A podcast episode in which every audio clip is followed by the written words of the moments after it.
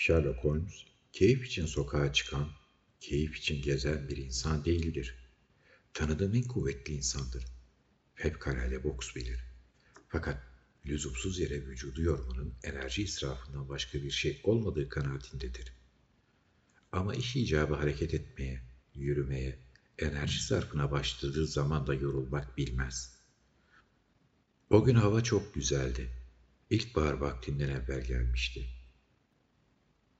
Öğleden sonra huyundan vazgeçen Holmes, ''Hadi gezmeye gidelim.'' dedi. Hem hayret hem sevinçle sordum. ''Nereye gidelim?'' ''Hyde Park'ta dolaşalım.'' ''Olur.'' Parka gittik. Her yer yeşeriyor. Dallar tomurcuklanıyordu. Tam iki saat yürümek zevki için yürüdük. Birbirini pek iyi tanıyan, daima beraber olan iki insan gibi. Hiç konuşmadan yürüyorduk. Eve döndüğümüz zaman saat beşti. Uşak bizi kapıda karşıladı. Sizi biri aradı, dedi. Holmes yüzüme sistemli baktı. Boş yere gezmeye gitmek işte böyledir. Sonra uşağa sordu. Beni arayan insan gitti mi? Gitti efendim. İçeri buyurun demedin mi? Dedim efendim. Girmedi mi? Girdi efendim. Ne kadar bekledi? Yarım saat kadar. Nasıl bir adamdı? Çok asabi, çok heyecanlıydı. Odaya girdikten sonra hiç oturmadı. Hep dolaştı. Kapının önünde beklediğimden ayak seslerini duyuyordum. Nihayet çıkıp ''Bu adamın geleceği yok'' diye haykırdı. ''Sen ne yaptın?'' ''Biraz daha bekleyin. Neredeyse gelir.'' dedim. ''Öyle çıkıp biraz hava alayım. Yoksa boğulacağım. Biraz sonra tekrar gelirim.'' dedi. Ve çıkıp gitti. Holmes'le beraber eve girdik. Holmes söyleniyordu. Bu işi kaçırdık sayınlarım Watson. İşsizlikten canım sıkılıyordu. Adamın haline bakılırsa bana önemli bir iş getirmişe benziyor. Birden durdu. Aha, bu pipo benim değil. Piposunu unutmuş. Funda toprağa bir pipo. Ucu da kehribar. Londra'da ucu kehribar ağızlı kaç kişide vardır? Eğer içinde sinek varsa kehribar hakikidir derler.'' Al sana bir ticaret konusu. Sahte kehribar içine sahte sinek koyup hakiki diye satmak. Holmes gülümsedi. Bize gelen zatın ne derece perişan olduğu halde çok değer verdiği piposunu unutmasından belli. Büyük değer verdiğini nereden biliyorsunuz? Bu pipoların fiyatı 7 şilin 6 penstir. Bu pipo iki kere tamir edilmiş. Bir kere tahtası, bir kere de kehribarı. Dikkat edin. Kırılan yerler gümüş çemberle tutturulmuş. Astarı yüzünden pahalı bir tamir. Çünkü bu gümüş çemberler yedi şil altı pense alınmaz. Yenisini alacak yerde avuç dolusu paraya tamir ettiren biri piposuna büyük değer veriyor demektir. Daha başka Holmes pipoyu evirip çeviriyor, sessizce düşünceli bakıyordu. Havaya kaldırdı ve işaret parmağıyla kemik muayene eden bir profesör gibi pipoya vurdu. Saat ve kundura bağından sonra pipoların kendilerine az mahsus bir hüviyetleri vardır. Ama bu pipoda emareler hem net değil hem de önemli değil. Bu pipodan ne anladınız? Sahibinin solak, kuvvetli bir adam olduğunu anladım. Sağlam dişleri var ama kendine bakmıyor ve hasis davranmak lüzumunda hissetmiyor. Holmes bunları laf olsun diye söyler gibi kayıtsız bir tavırla söylüyor, bana da dinleyip dinlemediğimi kavramak için göz ucuyla bakıyordu. Omuz silktim. Yedi şilinlik pipo içen bir adam zengin midir sanıyorsunuz? Piposunu lamba veya hava gazından yakmayı huy edinmiş. Bakın, bir tarafı kavruk. Kibrit böyle hasar yapmaz. Kimse kibriti lülenin kenarına tutmaz ve kimse lüleyi kavurmadan piposunu lamba veya hava gazında yakamaz. Lülenin sağ tarafı kavrulduğuna göre Demek ki sahibi solak. Kolumdan tutup beni lambanın yanına götürdü. Piponuzu lambaya yaklaştırın. Solak olmadığınız için piponuzun sol tarafını aleve tutarsınız. Piponuzun sağ tarafı bazen tesadüfen aleve rastlar. Ama kavrulacak kadar değil. Fakat bu piponun yalnız sağ tarafı kavrulmuş. Kehribar da ısırıla ısırıla yenmiş, kemirilmiş. Demek ki pipoyu içen sağlam dişli, kuvvetli, enerjik bir insan. Merdivenlerde bir ayak sesi duyuldu. Holmes kulak kabarttı. İşte geliyor. Pipo'dan daha enteresan bir şey inceleyeceğiz. Biraz sonra kapı açıldı. Salona uzun boylu biri girdi. Sade fakat zarif giyimliydi. Koyu gri elbise, kahverengi fötür şapka, belki otuzu geçkindi ama hiç göstermiyordu. Biraz mahcup bir tavırla, özür dilerim diye söze başladı. Kapıyı vurmadan girdim.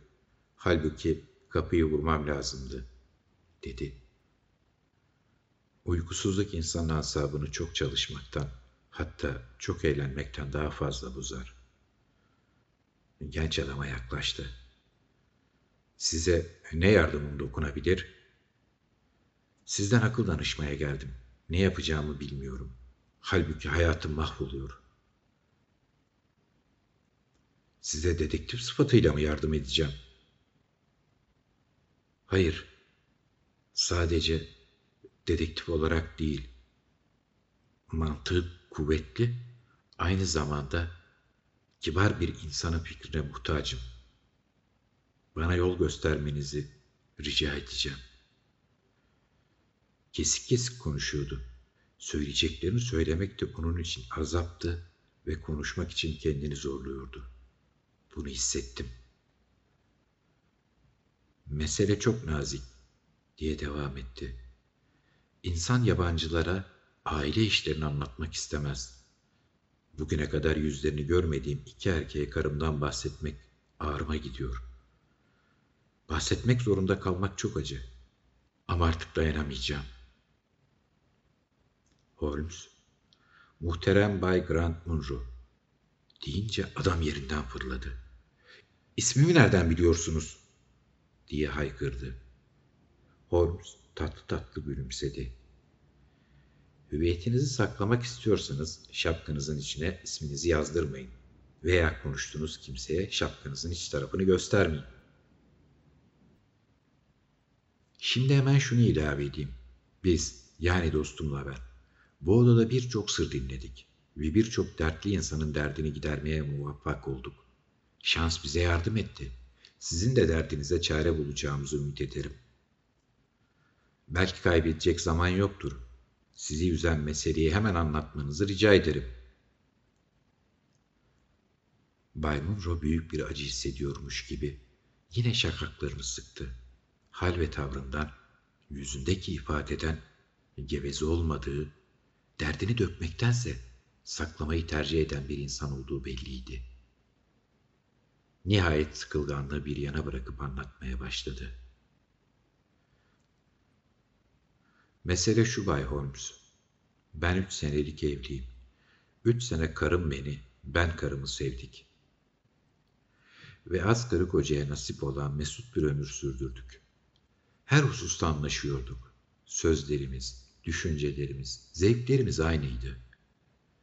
Şimdi ise yani geçen pazartesi gününden beri aramıza bir engel girdi. Karımın hayatında zihninde bilmediğim, tanımadığım, kavrayamadığım bir şey var. Birbirimize yabancıyız. Bunun sebebini öğrenmek istiyorum. Biraz sustu, soluk aldı. Daha fazlasını anlatamam. Daha ileriye gitmeden önce şunu iyi biliniz ki Bay Holmes. Effie beni seviyor. Bu hususta hiçbir şüpheniz olmasın. Effie beni bütün kalbiyle, bütün ruhuyla seviyor. Beni dün, bugünden fazla sevmemiştir. Dün ne kadar seviyorsa, bugün de o kadar sevdiğine eminim. Bu münakaşa kabul etmez bir hakikattir. Bir erkek, bir kadının kendisini sevip sevmediğini pekala bilir. Fakat aramızda bir sır var. Bu sır aydınlanmadan eskisi gibi olamayacağız. Holmes biraz sabırsızlandı. Vakaları anlatınız Bay Munro.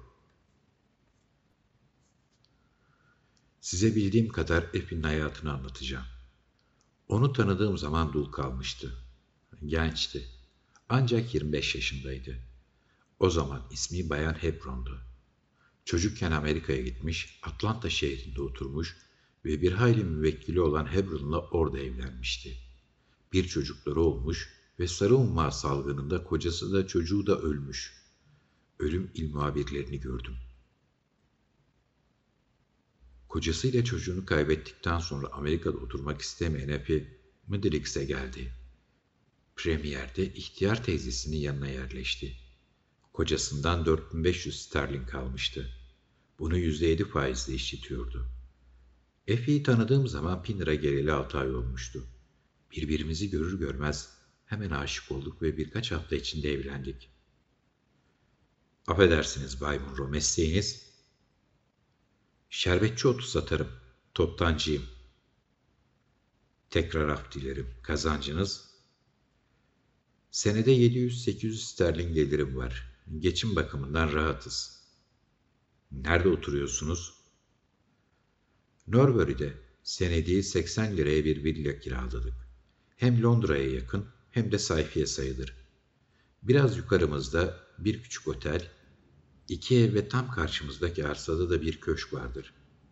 Ta istasyona kadar başka hiçbir binaya rastlanmaz. Senenin muayyen mevsiminde şehre inerim. Fakat yazın işlerim hafifler, köşkümüzde karımla baş başa mesuttuk. Bu meseleye kadar aramıza bir gölge dahi girmedi. Tekrar affınızı dileyeceğim. Karınızın parası... Evet, onu söyleyeyim. Evlendiğimiz vakit karım bütün parasını bana verdi. Ben istemedim.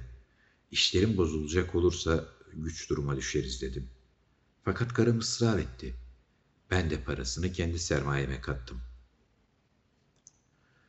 Bir buçuk ay evvel karım, Jack dedi. Paramı sana verdiğim zaman ihtiyacım olduğun gün benden bir miktar geri isteyebilirsin demiştim, dedi. Tabii, dedim, para senin. Öyleyse bana yüz sterlin lazım.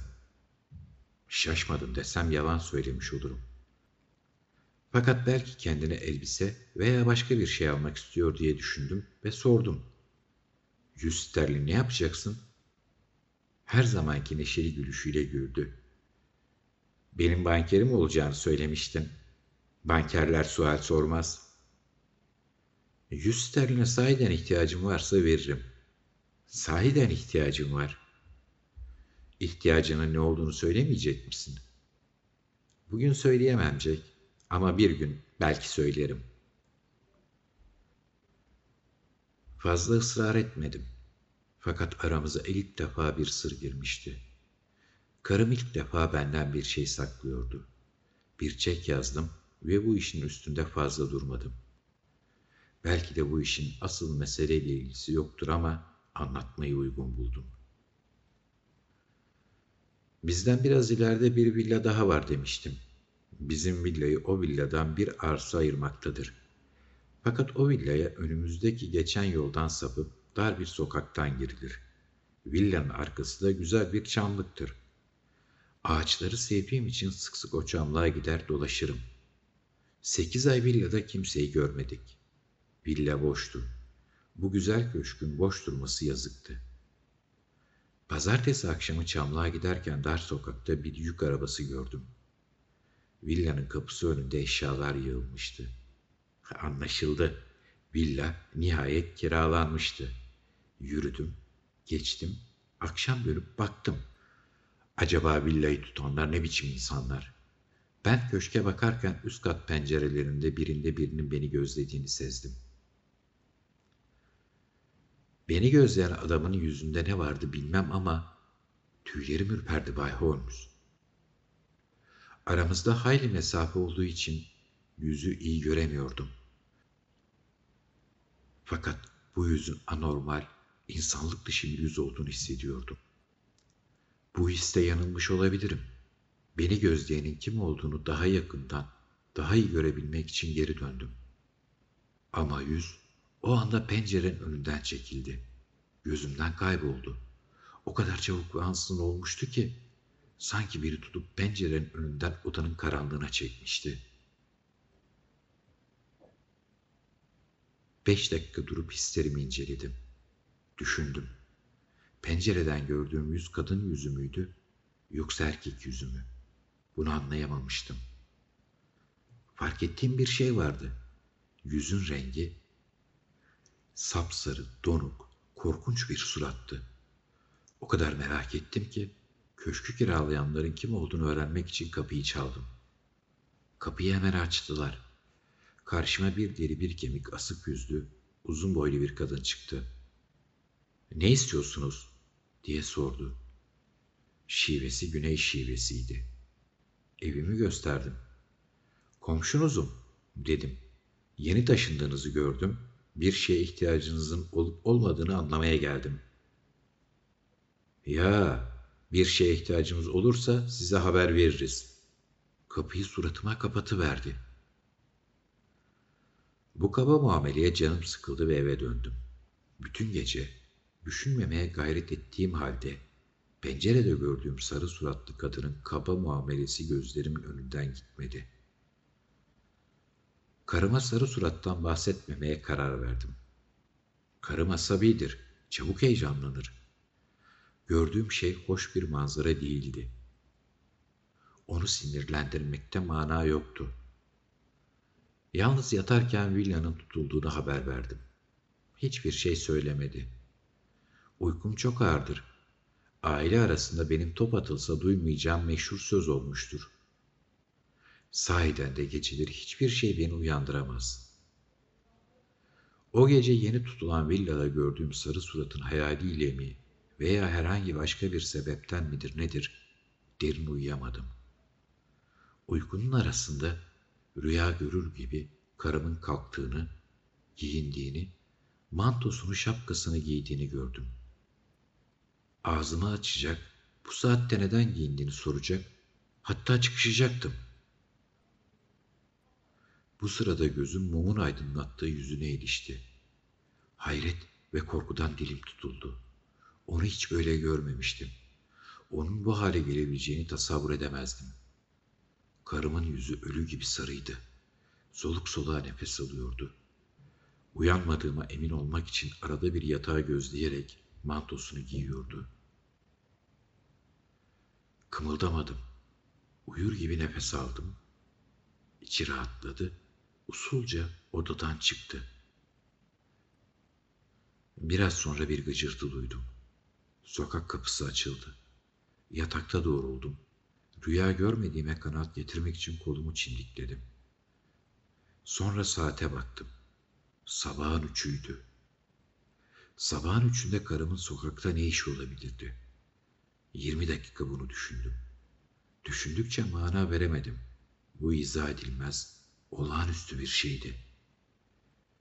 Yirmi dakika sonra sokak kapısı tekrar açılıp kapandı. Merdivende ayak sesleri duyuldu. Yatak odasına girer girmez sordum. Nereye gittin Efi? Sesimi duyunca iliklerine kadar ürperdi. Haykırmamak için kendini güç tuttu. Onun bu hali beni büsbütün çileden çıkardı. Demek ki kabahatliydi. Karım açık sözlü, gizli kapaklı hiçbir şey yapmayan bir kadındı. Kendi odasına hırsız gibi girmesi, kocasının uyandığını görünce korkması, haykırmamak için kendini güç tutması korkunçtu. Sinirli sinirli güldü. Uyandın mı Jack? Kulağının dibinde top atsalar uyanmazsın sanıyordum. Hiddetim artıyordu. Tekrar ettim. Nereye gittin? Serin kanlı söylendi. Şaşmakta haklısın.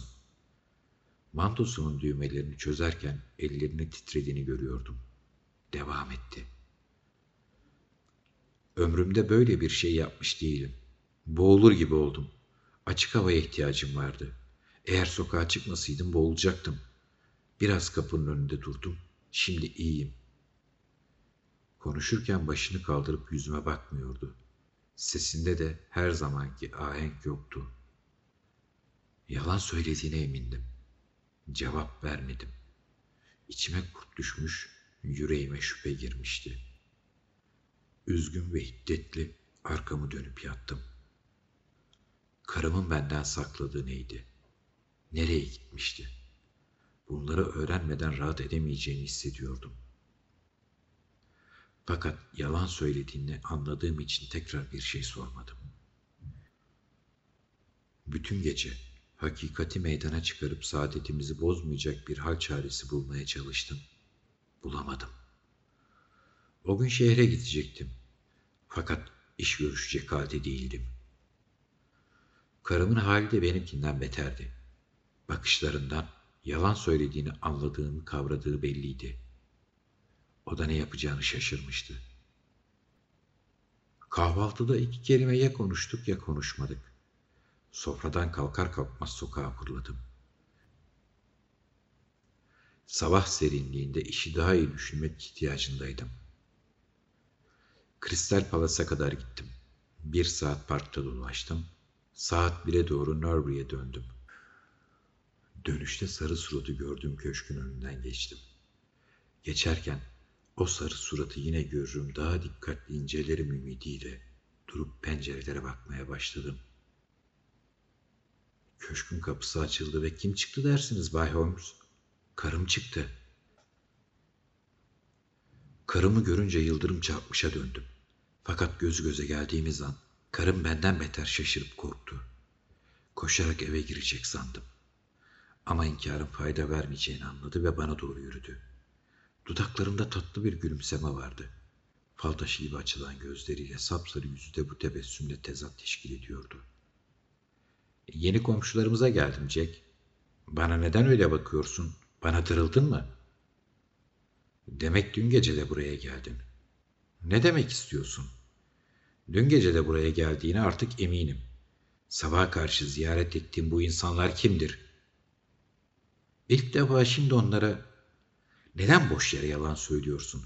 Sesin bile başka. Ben senden hiçbir şey saklamadım. Köşke girip işi anlayacağım. Karım aykırdı. Allah aşkına yapma Jack. Yemin ederim. Bir gün her şeyi anlatacağım. Fakat şimdi o köşke girersen felaket olur. İttim. Yalvararak sarıldı. Bana güvenecek. Bu seferlik güven. Pişman olmazsın. Senden hiçbir şey saklamadığımı bilirsin. Bir şey saklıyorsam seni çok sevdiğim içindir. Bu meselede hayatımız bahis mevzudur. Benimle beraber eve gelirsen iş düzelir. Bu köşke zorla girersen aramızda her şey biter. O kadar ciddi ve o kadar meyus konuşuyordu ki kapının önünde durdum. Ne yapacağımı bilemiyordum. Nihayet sana bir şartla inanırım dedim. Söyle, şu andan itibaren artık gizem kalmasın. Kendine ait bir sırrı saklamak hakkındır. Ama artık sabaha karşı bu köşke gelmeyeceğine, benden hiçbir şey saklamayacağına söz ver. Karım rahat bir nefes aldı. Bana itimat edeceğine emindim. Ne istersen yaparım. Hadi artık evimize gidelim. Kolumdan çekiyordu. Villadan uzaklaştık. Bir aralık dönüp arkama baktım. Üst katın penceresinde sarı suratı gördüm. Bu mahluk ve dün gördüğüm o cadı karıyla karımın arasında ne gibi bir münasebet vardı acaba? Bu alelade bir muamma değildi. Fakat bu muammayı çözmeden rahat yüzü görmeyeceğimi de anlıyordum. İki gün evden çıkmadım. Karım da bana verdiği sözü tutuyordu. O da evden bir yere kımıldamadı. Fakat üçüncü gün sözünde durmadığını gördüm.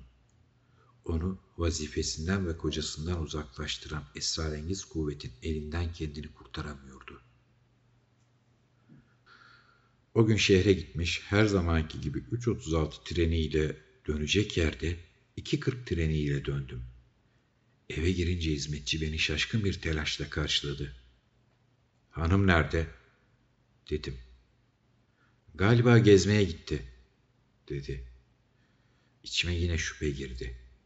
Yukarı çıktım karımın evde olmadığına kanaat getirdim. Pencereden baktım. Hizmetçimiz koşa koşa karşı villaya gidiyordu. Bunun ne anlama geldiği belliydi. Karım yine oraya gitmiş, ben gelecek olursam hizmetçiye kendisine haber vermesini tembih etmişti. Hiddetten köpürerek sokağa fırladım. Bu esrara son vermek kararındaydım. Karımla hizmetçinin geldiklerini gördüm ama durup konuşmadım. Hayatımı karartan esrarın yuvası karşıki köşktü. Ne pahasına olursa olsun bu esrarın mahiyetini öğrenecektim. Kapıyı çalmadım, tokmağı çevirip açtım. Alt katta kimse yoktu. Mutfakta bir tencere kaynamaktaydı. Bir sepette bir kedi çöreklenmiş yatıyordu. Cadı karı meydanda değildi. Öteki odaya baktım boştu. Merdiveni dörder dörder çıktım. Yukarı kattaki iki oda boştu. Köşkte kimse yoktu. Eşyalar ve tablolar, sarı suratı gördüğüm odanınkiler müstesna çok bayağı şeylerdi. O oda iyi döşenmişti. Zarifti ve şöminenin üzerinde karımın boy resmini görünce şüphem kalmadı. Bu resmi üç ay evvel ben çekmiştim. Köşkün boş olduğuna tam kanat getirmek için uzun müddet kaldım. Sonra kalbimin üstünde müthiş bir ağırlık hissederek çıktım. Köşküme girince karımı antrede gördüm.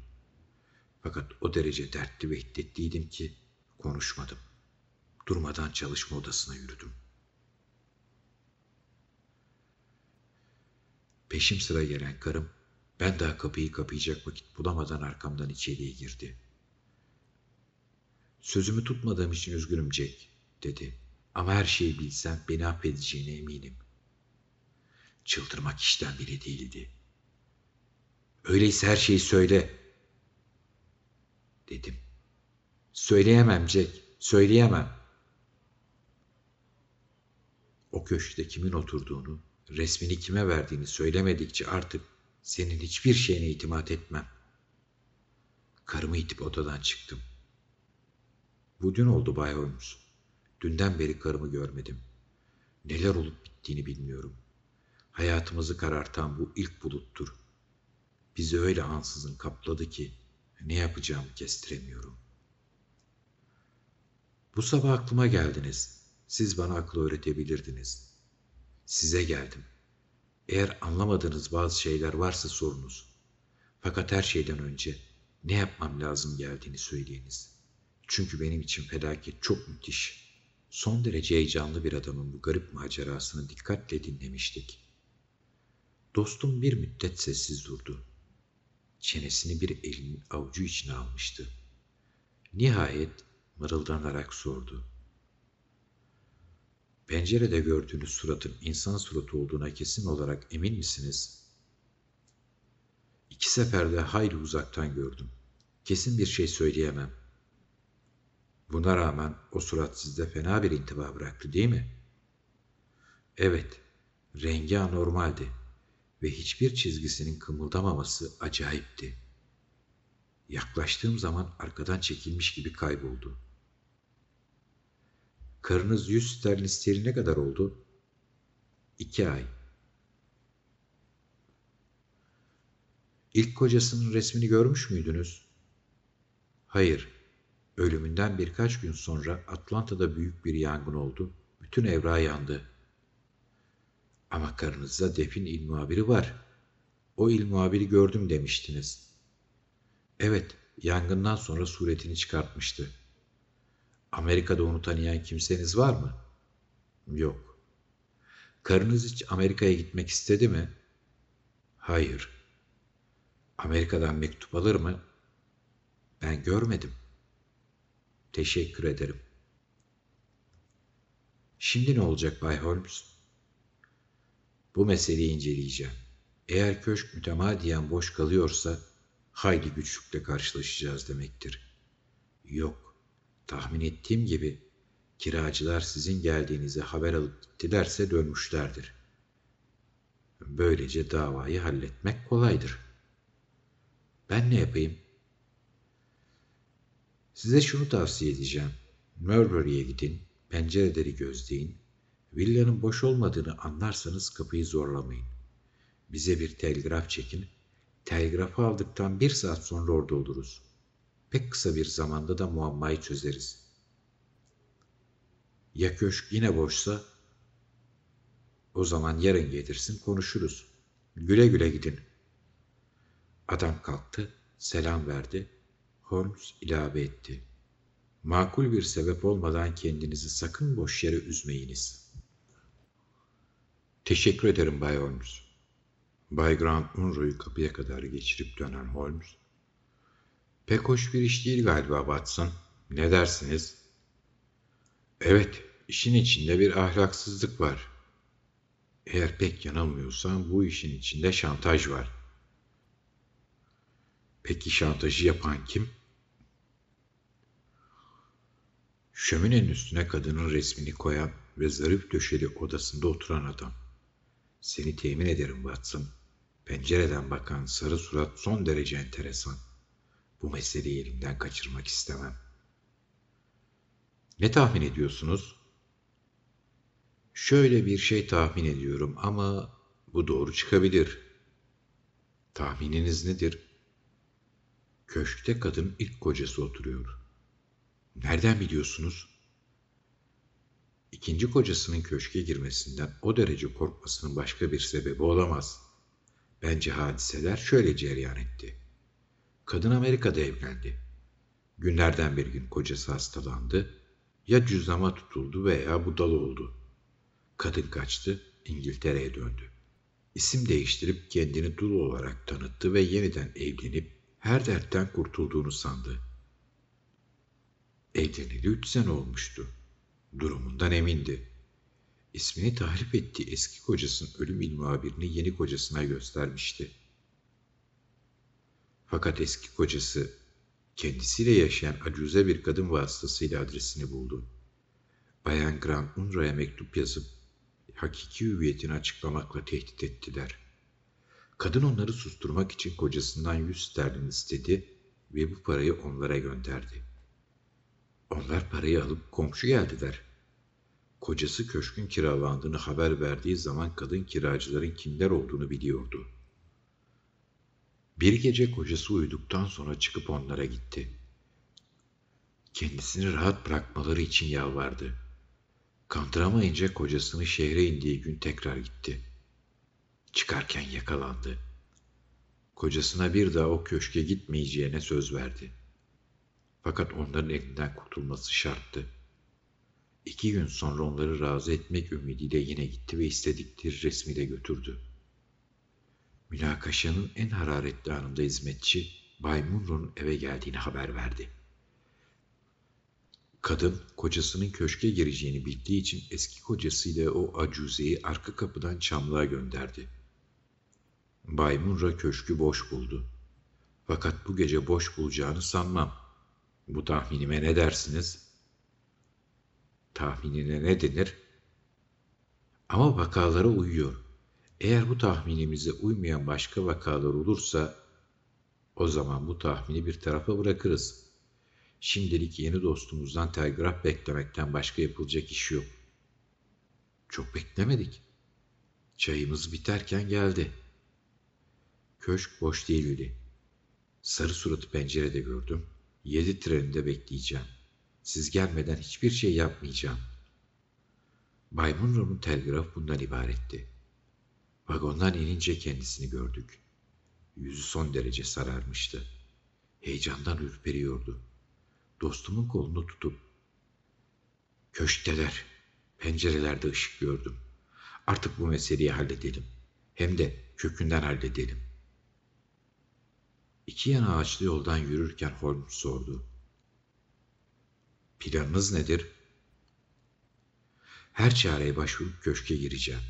Köşkü kiralayanların kimler olduğunu anlayacağım. Siz de şahitlerim olacaksınız. Karınıza rağmen bunu yapacak mısınız? Evet. Ama karınız size bu işi kurcalamamanızı rica etmişti. Ne olursa olsun ben kararımı verdim. Haklısınız. Herhangi bir hakikat insanı kemiren şüpheden iyidir.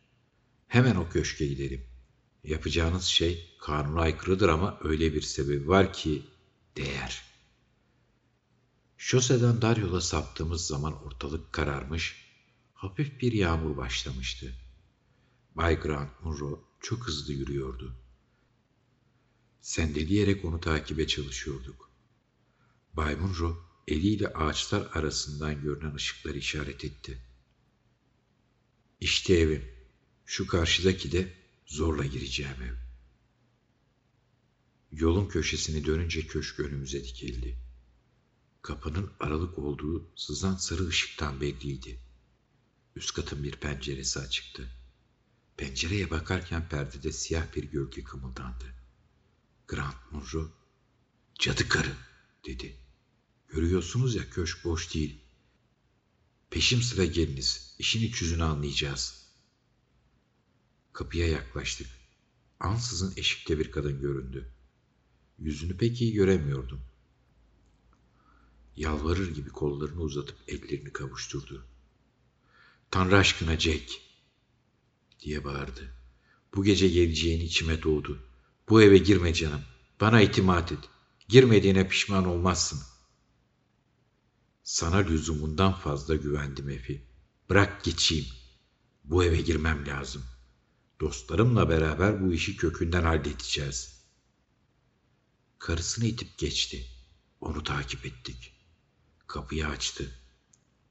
Önüne bir kadın çıktı. Yolunu kesmek istedi. Onu da şiddetle itip yürüdü. Merdivenleri çıktık. Grant Munro aydınlık odaya girdi. Biz de arkasından girdik. İyi döşenmiş bir odaydı. Masanın üstünde iki, şöminenin üstünde de iki mum yanıyordu. Bir köşedeki rahleye bir kız çocuk eğilmişti. Bize arkası dönüktü. Üstünde kırmızı elbise, ellerinde uzun konçlu beyaz eldiven vardı. Bize dönünce hayret ve korkuyla haykırdım. Bu yüz sapsarıydı, iğrençti, tamamıyla ifadesizdi. Holmes gülerek çocuğun başının arkasına elini attı, bir maske düştü. Karşımızda bembeyaz, 32 dişini göstererek bir zenci kız çocuğu gülüyordu. Kendimi tutamadım. Çocukla beraber ben de gülmeye başladım. Fakat elini gırtlağına götüren Munro bağırdı. Bu da kimdir? Söyleyeceğim. Bayan Munro odaya girdi. Güzel ama korkunç güzeldi. Beni her şeyi söylemeye zorladın. Ben söylemeyecektim. Madem ki istedin. Gerçeğe her ikimiz de göğüs germeliyiz. Kocam Atlanta'da öldü. Kızım yaşıyor. Kızın ha? Korsesinden gümüş bir madalyon çıkardı. Bunu hiç açmadın mı? Açıldığını bilmiyordum. Kadın madalyonun kapağını açtı. Bir resim vardı. Güzel bir zencinin resmi. Afrikalı olduğu belliydi. Grant Munro'nun karısı anlattı. Atlantalı John Hepson. Yeryüzünde onun kadar asil ruhlu insan yoktur. Irkımı bir yana bırakıp onunla evlendim. Ölünceye kadar bir gün bile beni kırmadı. Kızımızın benden fazla ona çekmiş olmasından başka üzüntümüz yoktu. Sevgili kızım Lucy, babasından da siyah. Ama ister beyaz, ister siyah olsun, annesinin sevgili bir tanecik kızıdır. Kız koşup annesinin dizlerine sarıldı. Kadın devam etti. Çok zayıftı. Yolculuğa dayanamazdı. Onu bunun için Amerika'da bıraktım. Hizmetçimiz İskoçyalı bize çok bağlı bir kadına emanet etmiştim.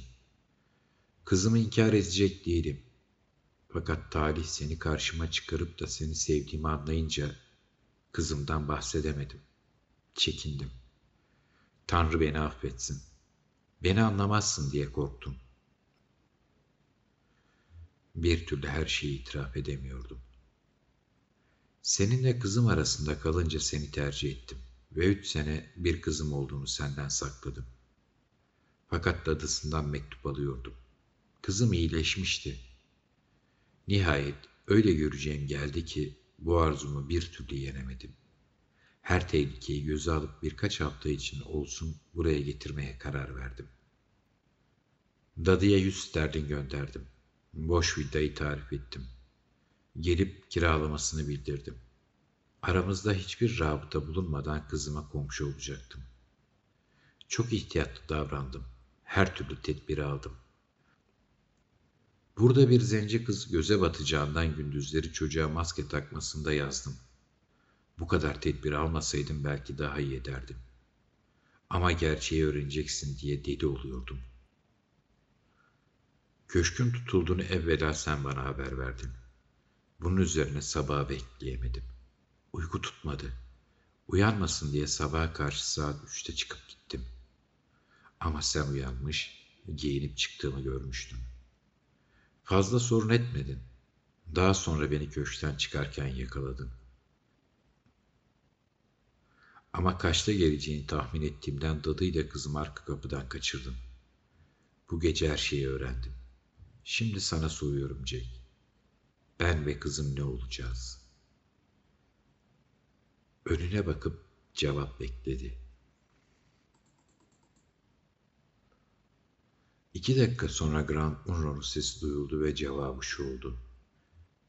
Üvey kızını kucaklayıp kaldırdı öptü, öbür elini karısına uzattı, kapıya yürüdüler.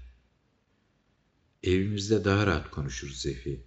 Ben kusursuz bir insan değilim. Fakat sandığından daha iyi bir insanım. Holmes'la beraber onların arkasından yürüdük. Dostum kolumu tuttu. Londra'ya gitsek daha iyi ederiz. Gece geç vakte kadar bu meseleden hiç bahsetmedi. Yatmak için odasına giderken Watson, hissiyata kapıldığımı, kendime fazla güvendiğimi veya bir meseleye gereği kadar önem vermediğimi hissederseniz lütfen kulağıma Norbury diye fısıldayın. Size minnettar kalırım.